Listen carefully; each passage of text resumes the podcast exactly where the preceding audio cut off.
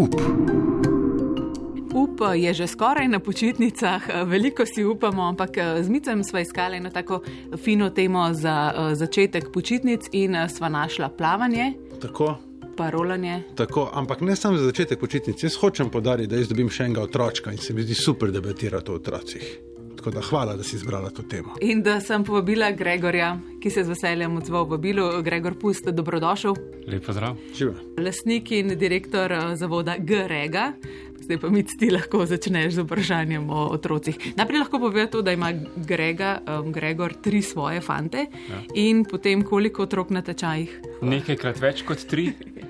Uh, Nakrat tri. Nakrat tri, čeprav je vsak pomemben, mi 24 leto trenutno delamo na tem, jaz nekako to so neke moje uvodne ponavadi besede, da otrokom uh, omogočimo prijetno, seveda strokovno podkovano in predvsem varno okolje za uh, nove, predvsem športne izzive.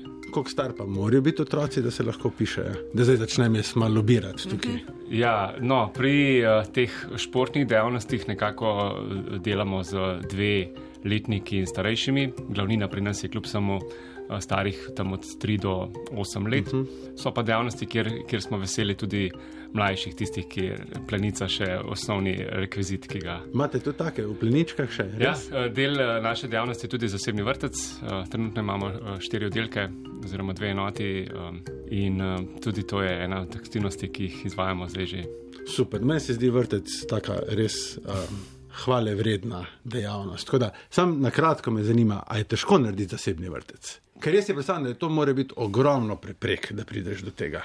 Predvsej časa, energije, seveda. Potem, ko imaš enkrat narejeno, ali preden to narediš? V, v, v vseh fazah uh, pride do določenih uh, preprek in jaz mislim, da je prav, da je to tako. Okay. Zaradi tega, uh, da uh, so stvari take, kot uh, morajo biti. Jaz bi na tem mestu v zvezi z vrtcem rekel, da naš vrtec deluje po popolnoma enakih uh, principih, načelih, uh, pod istimi pogoji, pod istimi zakoni kot javni vrtec. Naj to velja tako za širino ali pa višino, površino svetlih površin, da sem tako rekel, oken. Uh -huh, uh -huh. Kot pri kvadraturi, kot pri vseh ostalih tehničnih, uh, kadrovskih uh, pogojih, skratka, tukaj ni uh, nobene razlike in varnost je tista, ki jo ki sledijo, poleg strokovnosti in seveda podpore na tem področju. Vedno bolj privlačno se sliši. Mic malo razmišlja, da bi imel svoj vrtec enkrat. Ne, no. jaz čutim to, da otroci zelo, zelo zaslužijo kvalitetno preživljanje časa. Pač eh, me skrbi ob vsem, kar, kar jim dajemo v roke, da je tega vedno manj in uh, vidim, kako nagrajujoče je uh, preživljati kvaliteten čas. Se malce hecam, da bi imel to, ampak hkrati pa vidim tudi je, mogoče priložnost, kdaj, da, da, se, da se tudi jaz tega lotim, ampak to, to ni moja oddaja. Razumem. Um, tukaj bi želel, uh, kljub samo dodati, zasebni javni se mi zdi, da, da je zgolj, bom rekel, neka uh, tehnična razlika. In da obstajajo uh, super javni vrci, in najbrž tudi še malo manj super uh, zasebni, vse pa se začne in konča pri ljudeh. In te so že, vse kar se nas tiče, ključ do vsega. Kako pa ste prišli do teh dobrih ljudi, ki jih imate zdaj? Oziroma, kako ste jih, ali jih je bilo težko vzgojiti v to, da so srcem pri stvari že toliko časa, kot ste? Prava beseda je vzgoja. Se mi zdi, da uh, dobimo po večini uh, mlade doma vzgojene in tukaj upamo na to, da uh, pridejo ljudje, ki seveda imajo pač določen uh, rezime v smislu strokovne usposobljenosti, ampak vse ostale pa potem uh, upamo, da čim več dobijo doma tistih pravih vrednot, pravega načina razmišljanja. Naš del pa potem je, da to usmerimo oziroma skanaliziramo na naše področje. Ampak ja, to je proces. Mi smo mehko podjetje, trenutno sedimo v pisarni trije in eno teh se ukvarja izključno in samo s kadri. Z mentoriranjem, z vzgajanjem. Um, praviš, um, Gregor, trije sedimo v pisarni, ampak v resnici je pa ta družina Grega večja, skoraj 60 um, vaditeljic, trenerjev, vzgojiteljev. Ja, torej korona je, je prinesla določene spremembe tudi v tem smislu, da smo morali uh, ne zmanjšati, ampak pravzaprav uh, zoptimizirati uh, določene stvari. Uh, vesel sem in to je pravzaprav naš glavni, si upam reči, da podarek, za katerega vsak večer mirno zaspim, da pri varnosti nikoli nismo in tudi verjamem, da ne bomo izbirali ali pa obirali bližnic. Ta število se je zmanjšalo do te mere, da pravzaprav te ljudje uh, skušajo narediti morda uh, kaj več, kaj drugače, zaradi tega, ker pravzaprav se je zgodilo, da je težko dobiti. V tem trenutku je, je, je popraševanje takšno po razno razni, uh, če rečem zdaj delovni sili, v, v pozitivnem smislu, da um, je ta širina, ki smo prej skušali nekako dosegati, smo šli pravzaprav bolj v to, da tem ljudem, ki jih imamo, omogočimo, ponudimo več uh, in časa in dela, uh, zato da zoptimiziramo, kot rečeno, določen aspekt našega delovanja. To je zanimivo, ne, da povsod v bistvu primankuje um, ljudi, ki bi delali. Nekako imamo v glavi, da v gostinstvu primankuje kadra, ampak očitno dejansko posod uh, primankuje ljudi. To je pač rado prav problem, ki mislim, da je sistemski, že počasno ne zgolj uh, situacija uh, takšna, kot je. Mislim, da je delno uh, k temu prispeval pač uh, sprememba načina študija, bolonski sistem, sprememba skratka pridobitve, postopek pridobitve uh, določenih licenc, tako pri uh, plavanju, kot pri recimo smučanju in tak težava. -huh. In uh, ljudi. Uh, primankuje. Dobre ljudi pa uh, se ne uh, naredijo z, z upravljanjem spitom, ampak dejansko z izkušnjami, z voljo do tega dela in to je pa še vedno tista razlika, ki jo skušamo ustvarjati in, in ja. dobiti. Mi imamo drugače podobno izkušnjo, no, ampak um, se mi zdi, da je glavni razlog v pomankanju ne to, da ne bi bilo teh ljudi, ko pa da da so pričakovanja se zelo spremenila na njihovi strani. Zelo hiter, um, ali hoče biti zelo nišno usmerjeni, pa mogoče podjetje tega ne more v tistem trenutku ponuditi za cel delovnik, ali pa hočejo zelo hiter dosegati stvari, ki jih tudi mogoče podjetje v enem trenutku ne more dati, ali to napredovanje ali karkoli. Pa se ti ljudje hiter odločijo za ali menjavo službe, ali mogoče so pogoji neki boljši, ali pa se izgledajo pogojši in ta fluktuacija zelo zelo krožen in težko je. Jaz mislim, da je najtežje zdaj itak najti pravega človeka, ampak ko ga že imaš, potem ga obdržati in vse, vse resurse vložiti v to, da se počuti dobro in da ga imaš tam, da ga vzgajaš. Ne. Se popolnoma strinjam. Včasih so eh, študenti, da tako rečem, ali pa sodelavci nosili prošnje za delo zdaj pa pravzaprav pošiljajo in, in uh, sabo prinesejo ponudbe za delo. Uh mhm. -huh. In smo mi tisti, ki moramo dati ustrezno ponudbo, ki jo bo potem nekdo sprejel ali pa ne. Jaz mogoče bi dodal dve zadevi. Dve stvari smo se uh, v teh letih, 24, naučili. Ena je, da nikoli ne moramo biti toliko pocen, da ne bi mogel biti nekdo še cenejši. Se pravi, to ni bila uh, nikoli naša, uh, recimo temu, strateška prednost. In uh, nikoli ne moramo ponuditi toliko, uh, recimo temu zdaj uh, sodelavcu, da mu ne bi nekdo ponudil še več. In zato je pravzaprav edini način, da najdeš druge motive, zakaj bi nekdo, bodi si kot uporabnik, bodi si kot mhm. sodelavc, uh, z nami sodeloval. Hm, to je dobro, ker res, če se s temi mlini ne veste, začneš boriti, je to pač neskončna zgodba. Ne? Skozi cenejši, pa skozi več daješ in na koncu ostaneš sam. Up ta izkušnja, ki jo dobijo tako otroci, da se potem starši odločijo, da jih bodo še pripeljali in po drugi strani zaposleni, da imajo možnost dela v dobrem kolektivu. Ti nekako um, še vedno gojiš, se mi zdi ta start-upovski duh, um, čeprav kot rečeno že 24 let v tem, ampak dejansko si rešen mlad, ker si začel tudi ti kot študent. Jaz sem uh, to podjetje. Uh, vzpostavil pri 19 letih, ko sem končal prvoletnik faksa, eh, zelo po domače povedano, je bil eden od izpitev, ki sem ga naredil, uh, plavanje, teorija metodika plavanja. Kot novo pečeni učitelj plavanja sem sedel za računalnikom pred PowerPointom, takrat je bilo to višek uh, predstavitve in rekel, če se naučite želite naučiti plavati, pridite Gregor Pustu. Tako je to nekako bilo. V teh dneh se uh, se omenja uh, pomoč staršev ne, v markah. In tudi uh, pri meni je bilo pravzaprav podobno. Uh, starša sta dala vsak po 500 mark, ko je to takrat zgleda bilo v teh časih.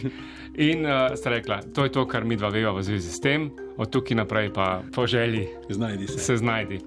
In mi smo za ta denar uh, kupili takrat prve tiste plavalne črve, najeli uh, nekaj bazenskih prog, natiskali nekaj letakov, Mimo grede, bili smo prvi, ki smo bili, poleg seveda nekih društv in tako naprej, ki so že bili uveljavljeni in tako naprej, ampak prvi, recimo, temu komercialni ponudnik. In uh, ne, da smo bili pri 19. že uh, spoznali vse, uh, naredili analizo trga, ampak smo bili mi ta trg in se podali uh, na bazen.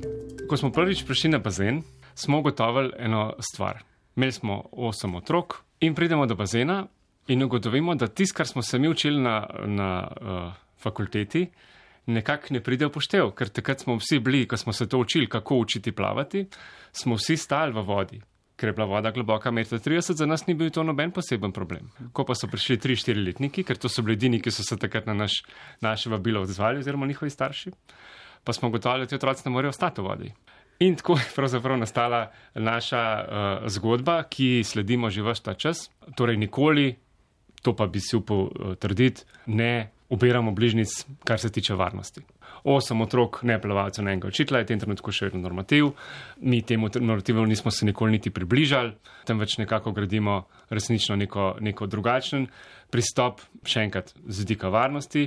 Ne na zadnje pa to za sabo potegne tudi možnost, da se lahko pravzaprav z vsakom mu nekoliko bolj posvetiš, si tam ena na ena in otrok številka 7852 postane Jure, Jure, ki je imel za kosilo zrezek ali pa uh, tofu, ne vem, ne, v teh časih. Skratka, in tukaj pravzaprav se začne odnos. In jaz mislim, da odnos je vse, kar starš potrebuje. In zdaj, če ste prej, smo se pogovarjali o mehkih otrokih, mislim, da tudi danes, in tukaj se ni spremenilo v tem času še vedno nič, otroci predvsem pa njihovi starši potrebujejo varnost. Občutek varnosti, da vejo, da je njihov otrok v varnih rokah. Glede varnosti se mi zdi, ker imaš opravka z ljudmi na končni, ne, na končni postaji, se mi zdi, da kot, kot lasnik tega podjetja moraš poskrbeti za vse te vedike. Ne, ker uh, jaz sem imel takrat ono izkušnjo, ko smo imeli neko turistično agencijo, pa smo vozili ljudi na žure po Evropi, pač mene je to ubilo. Pač, ko si imel enkrat toliko ljudi tam, sicer naša klientela je bila rahlo drugačna od uh, otrok starih 3-4 leta, to so bili. Uh, tudi otroci, ampak stari 18. Tudi 19. otroci v, v, v godni fazi vsega raziskovanja in vem, da to je mene, to mi je kratlo spanci. Uh, ja, tudi sam sem kot turistični uh, spremljevalec uh -huh. uh, nekaj svojih let skrbel uh, tudi za to vrsto okay, uh, aktivnosti, ki jih poznam. Okay, ja. Jaz mislim, da je to najbolj izčrpljujoče možno in ja, kot starš, da gotovo hočeš imeti vse poštimano. In, uh... Ja, ne na zadnje tudi študenti, ne, te, ki so šli na tja. Če on kaj rabi, uh, je pravzaprav neke usmeritve ljudje potrebujemo meje. Z, samo zato, da veš, kje pravzaprav si na varni strani in kje si morda šel mm -hmm. uh, čez rob. In otroci ravno tako. Oni se počutijo precej bolje, precej bolj varno, čeprav se tega seveda ne zavedajo, da, da so uh, na nek način v nekem koridorju. In tvoja naloga pa je, da koridor uh, širiš in ožaš, glede na otrokov uh, trenutni uh, zahteve, potrebe, mm -hmm. želje ta koridor potem uh, um, prilagajaš potrebam in željam staršev, uh, spremembam na trgu, če tako rečem, zdaj zelo široko. Potem pride situacija, ki je, ki je bila za vse nas nova, dve leti nazaj, ko smo um, te meje in, in uh, poti, ki so bile že na nek način ohojene, uh, na novo. Kako pa ste jih? Morali lakovati. Ni bilo lahko. V neki fazi sva ženo um, vzela vsak svoj kredit, da so lahko uh, dala za plače. Veliko eh, stvari smo uh, um, se zgodili v tem času. Najprej smo vsi 14 dni uh, drožili, ali kako. Mm -hmm. Potem smo uh, tri tedne uh, bili na Zoomu in se uh, učili upoštevanko uh, in enačbo in tako naprej. Potem pa je pravzaprav prišel uh, reality check, ko smo mogli ugotoviti, da razen sebe uh, ne bo na nek način noben poskrbel za nas. Ker tečaji so bili v bistvu m, mm, zaključeni, oziroma tako so se zamrznili. Uh, v tistem času zaprt. je bilo prvi, prvi val je bil pravzaprav na nek način najlažji. Vsi smo bili, saj počuli smo se, da smo vsi na istem, v istem čovnu, kako že. In, uh, in je bilo pravzaprav v tem smislu, uh, smo rekli, ok, vidimo kako in kaj. Težje pravzaprav je bilo prihodnje leto oziroma leto dni kasneje ko, ko so tako rekoč vsi ali pa skoraj da vsi uh, delali in je bilo vse že tako, naše dejavnosti pa so še vedno stale in obstale. Ne? In uh, takrat je bilo pravzaprav to še težje. In potem, ko bereš razne stvari, od uh, stvari, ki se dnevno spreminjajo uh, in ne moreš pravzaprav načrtvati, in to se mi zdi, da je bil glavna ta mhm. težava, ko bi vedel, če se ne vem, bi bilo, bi lažje nekako se trudil ko začneš to gledati, uh, preberati tudi razne komentarje, da vsak um, dober podjetnik bi mogel imeti za pol leta rezerve. Zdaj, opcija je, da nisem dober podjetnik, ker nikoli se nisem štel za podjetnika, ampak zgolj za človeka, ki je najdel neko dejavnost, ki se počuti v njej dober, ki za njo stoji in jo upravlja srcem. In, um, in ne, nima uh, uh, pol leta zaloge. In zato je v tistem momentu uh, prišla situacija, ko smo se odločili, ali plačo dati, ali, ali ljudi dati na zavod, ker pa je bil to vrtec, pa tega ne moreš tako enostavno narediti. Priplavljanje pravzaprav na nek način je bilo to lažje. Aktivnosti ni bilo, ljudje, ki so bili pogodbeno vezani na nas, smo pač lahko uh, ustavili, dočim vrtec kot, kot dejavnost, ki pa teče in je tekla tudi uh, v veliki meri tudi naprej, pa ni bila. Uh, moram pa tukaj reči, no, da država je absolutno uh, nam prišla v zvezi s tem nasproti in um, odigrala tisti del, bodi si za nas, ali pa najverjetneje pa pač za starše, ki so pač to potrebo po varstvu imeli. Up. Glede te rezerve, ja, um, spomnim se, glih tam prvi val korone tudi pri nas v redu, potem kasneje ta drugi, uh, se mi pa zdi, da je bil tudi za nas um, veliko, veliko težji. Tudi za, za splošno javnost se mi zdi, da je takrat mogoče v prvem valu se rekel, ok, se bo konec, v drugi vali je bilo pa tako reality, zdaj pa ne bo konec, ne? očitno smo v tem. In tudi mi, no, pač niti približno, ko smo, ko smo s, s partnerjem delali analizo podjetja, prvič, to kar resno, no, takrat niti približno za pol leta, ki je to je mogoče dva meseca, da si še normalno, potem pa potem bi mogel pa človek res iti v zelo drastične ukrepe, da bi sploh preživel. Tako da smo tudi takrat oba, niti ne zapaničarla v tem smislu, ampak tako zelo resno se začela pogovarjati tudi o, o teh scenarijih. No, mislim, da so vsa podjetja, če niso ugasnila, nažalost jih je ogromno ugasnila takrat. Ne če niso ogasnjene, pa saj resno začele razmišljati o tem, da morajo biti bolj stabilne. Ne. Tukaj je mogoče no, še neka osebna izkušnja v zvezi s tem.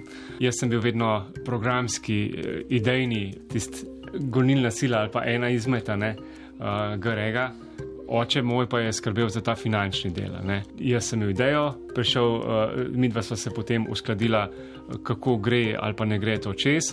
In ta stvar je, je pravzaprav kar nekako dobro funkcionirala. Ne takoj na začetku korona je žal tudi tukaj uh, um, prišlo do tega, da je korona tudi uh, nam uh, spremenila v zvezi s tem življenje. Skratka, zdaj sem uh, jaz uh, tudi ekonomist in ena od prvih stvari, ki se je zgodila, je bila pravzaprav ta.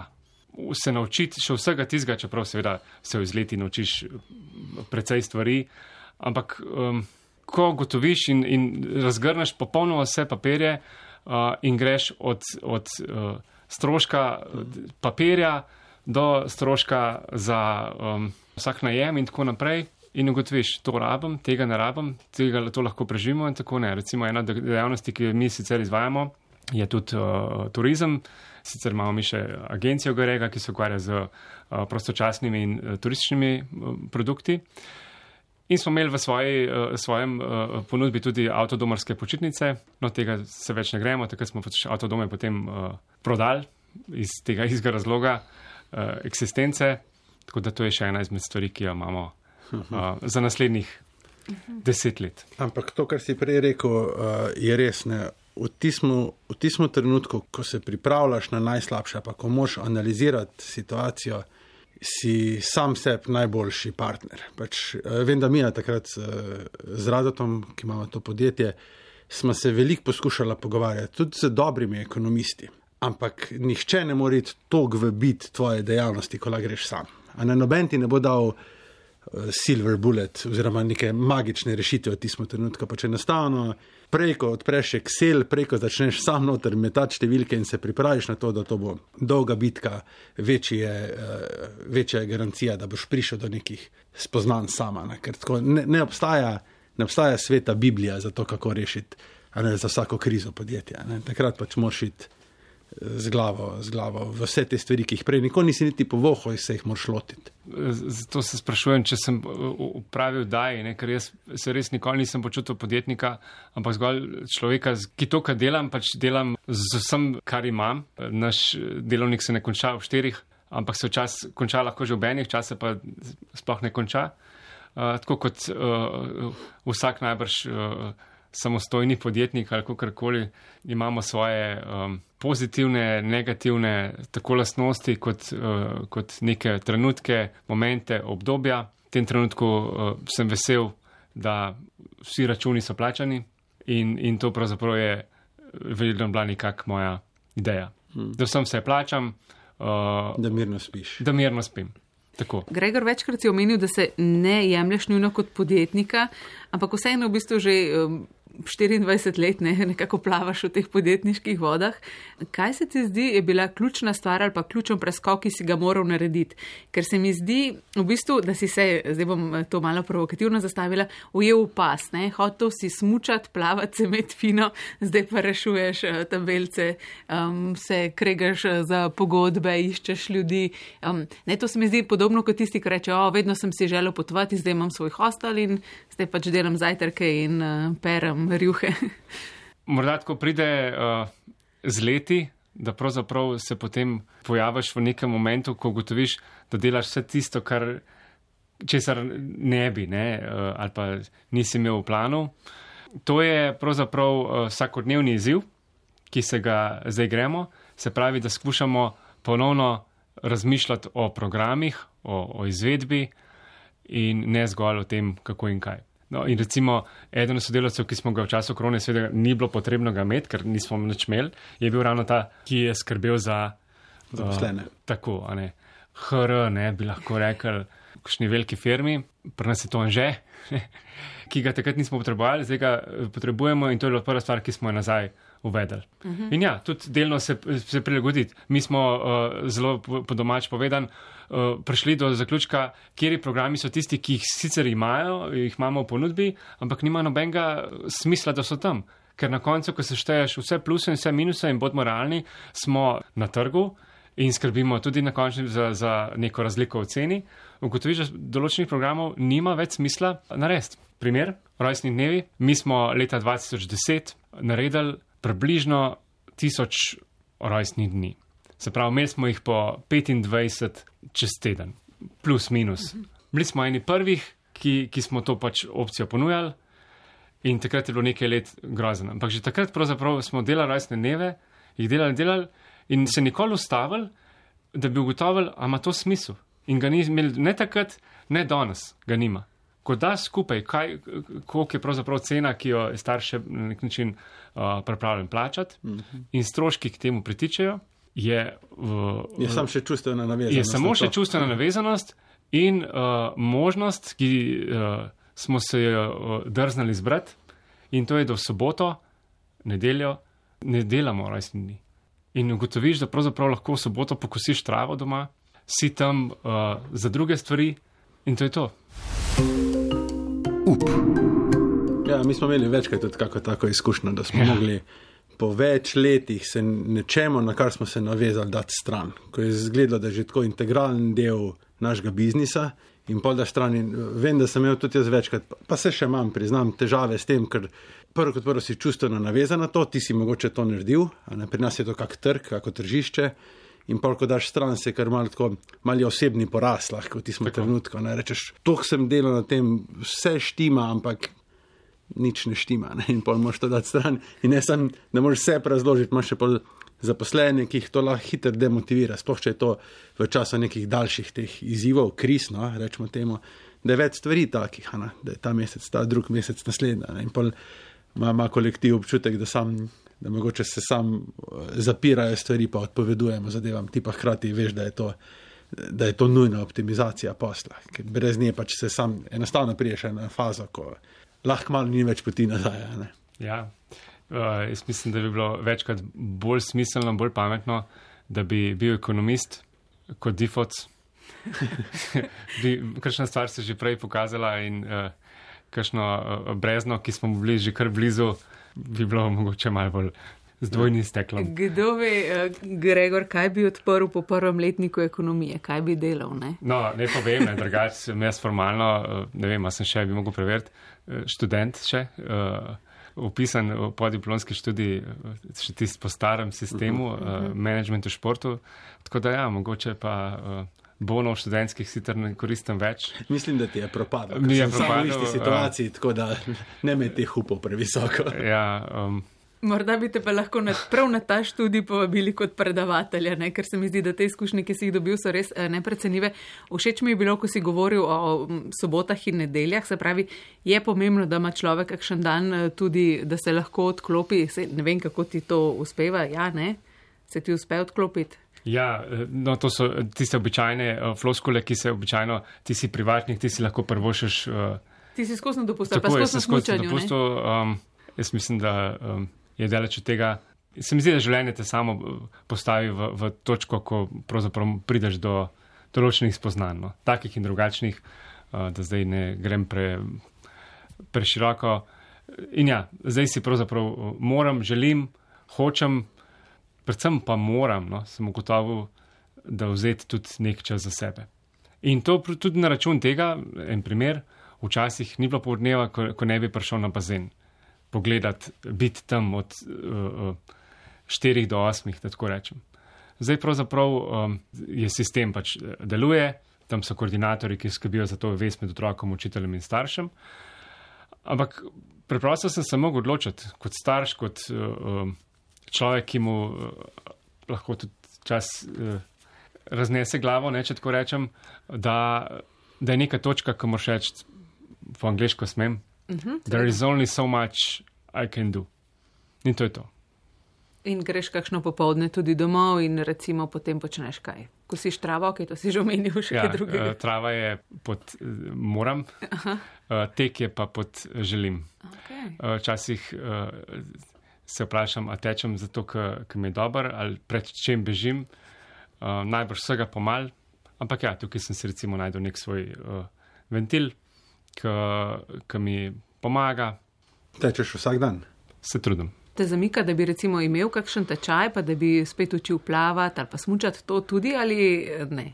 To še počnem, sem, sem kar uh, aktiven, da, da se uh, so tečaji, ker sem bodi si zato, ker je pač uh, neka potreba, se pravi, da lahko skočim in uh, dobra stvar pri tem je, da imam absolutno vse uh, kompetence, da lahko uh, ne samo, eh, da rečem, da solim pamet, ampak dejansko tudi uh, eh, realnosti vem, kaj neka stvar je. In mislim, da tukaj je recimo neka naša ali pa uh, prednost, da, da točno vem v, v, v realni situaciji, kako neke stvari uh, naj bi bile.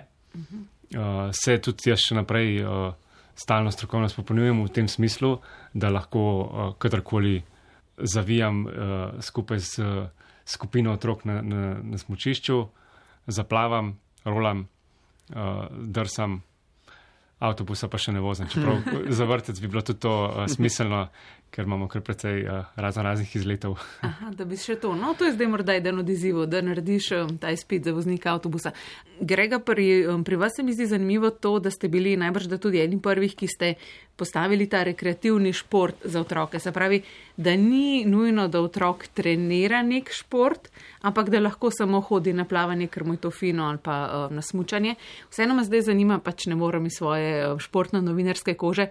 Um, kako sodelujete s klubi? Če se recimo pojavi na bazenu nekdo, za katerega opazite, da je res talent, potem pokličeš v kakšen plavalni klub ali pa namignete staršem?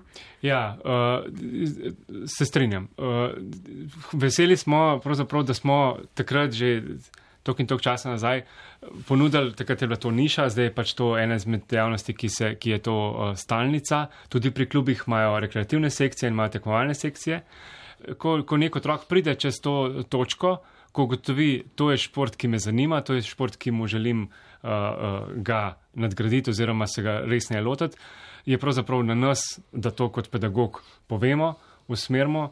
In hkrati tudi mi pridemo do nekega platoja, ko smo rekli, ok, naredili smo tisti naš del, od tukaj naprej pa potem kljub tisti, ki v zadej uh, stoji. In, um, in ja, kar precej je takih uh, otrok, ki, ki so potem se odločili za poti, uh, tekmovalne poti. V katerih letih pa se to zgodi pri otroku, ponavadi?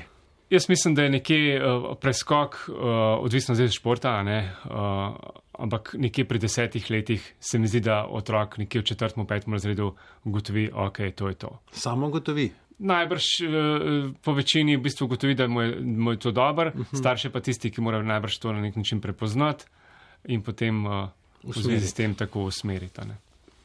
So pa klubi, kot sem rekel, ne, začeli točno s tem. Ne. Tako rekoč ni več kluba, ki ne bi imel, uh, včasih je bilo to samo bolj ali manj tekmovalno uh, klub, ne. zdaj ima pa svojo sekcijo za rekreacijo, kjer tam delajo podobne stvari, kot jih delamo mi, uh -huh. in tekmovalni del. Tako da um, za konkurenco se ni bat. Ampak mislim, da smo se kak nekako najdel v tem svetu. Um, Slovenija je super, tudi v tem smislu. Je, je fino imeti tudi svojega, recimo, temu nasprotnika ali pa mhm. konkurenta, uh -huh. uh, da si z njim na ti, ker je zelo realno, da se boste na koncu neko soboto mogoče uh, srečala v vrsti uh, pri kruhu. pred neko pekarno. Sem mislila, da, že, da se boste srečali na kakšni poroki, ker je bila res spet sobota. No. Gregor Pust, eh, hvala za obisk, uspešno delo še naprej, pazi na se, veliko teka želim, čim manj stresa, pa čim manj kreditev. Ne? Ja, uh, za kredit hvala, za tek um, imam v mislih in nekako skušam iti uh, po pameti in ne samo po brezpotih. Ne za vse ostalo pa verjamem, da bo vse tako, kot mora biti. Uh -huh. Tudi zdaj je bilo. Hvala.